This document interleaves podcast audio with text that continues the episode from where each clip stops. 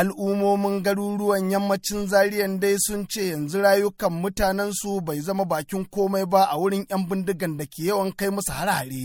Saboda a kullum kwanan duniya sai an kai harin hallaka mutane da dama sannan a sace wasu.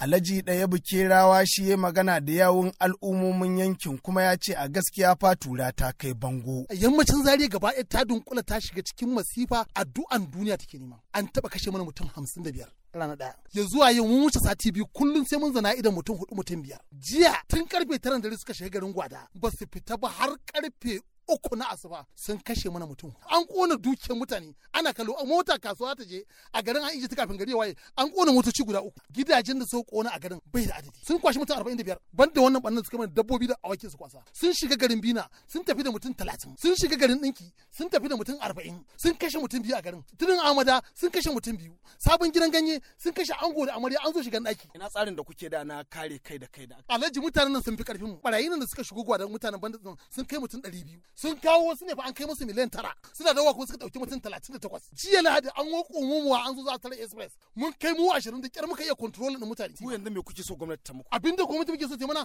ta zo ta eje mana soja a dinki ta eje mana soja a gwada ta eje mana soja a bina ta eje mana soja a tudun amada ta eje mana soja a wuzata. Daga nan an tara gabashin zari kenan. Ai ba isassun sojojin da za a aji malam jaji in aka diba kwata a jaji sun isa wannan abin wallahi. Saboda mutanen su ma ba su mutuwa. Kafin yanzu dai an samu saukin har-haren yan bindiga a wasu yankunan. Jihar Kaduna.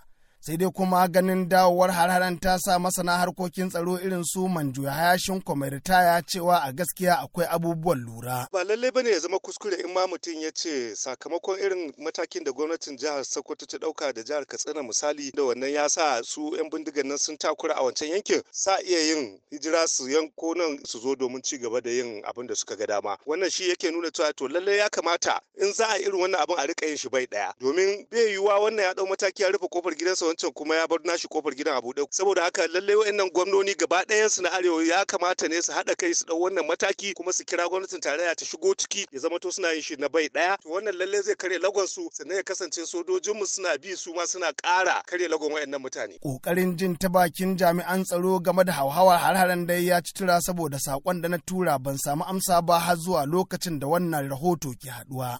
Sai dai kuma gwamna malam ubasanin jihar kaduna ya taɓa shaidawa manema labaru matakan da gwamnati ke ɗauka game da wannan matsala ta tsaro a jihar kaduna. Mun fito da tsare-tsare domin ganin an yi maganin wannan fitina na rashin tsaro saboda a haɗa kai da shugaban al'umma wato sarakuna da katai domin a rinka samun labarai wanda ya shafi mutane mayagu masu zuwa mana ƙauyuka. Domin su sace mana al'umma ko kuma su kashe mana mutanenmu.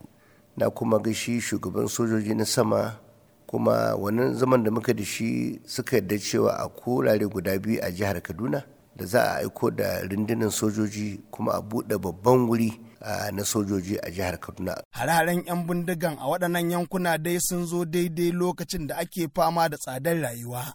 Saboda da dama al'ummomin waɗannan yankuna ba samu sun yi noma ba saboda matsalar tsaro sannan yanzu gashi sayan abincin ya gagara saboda tsabar tsada. Isa Lawal Ikara, muryar Amurka daga Kaduna a Najeriya.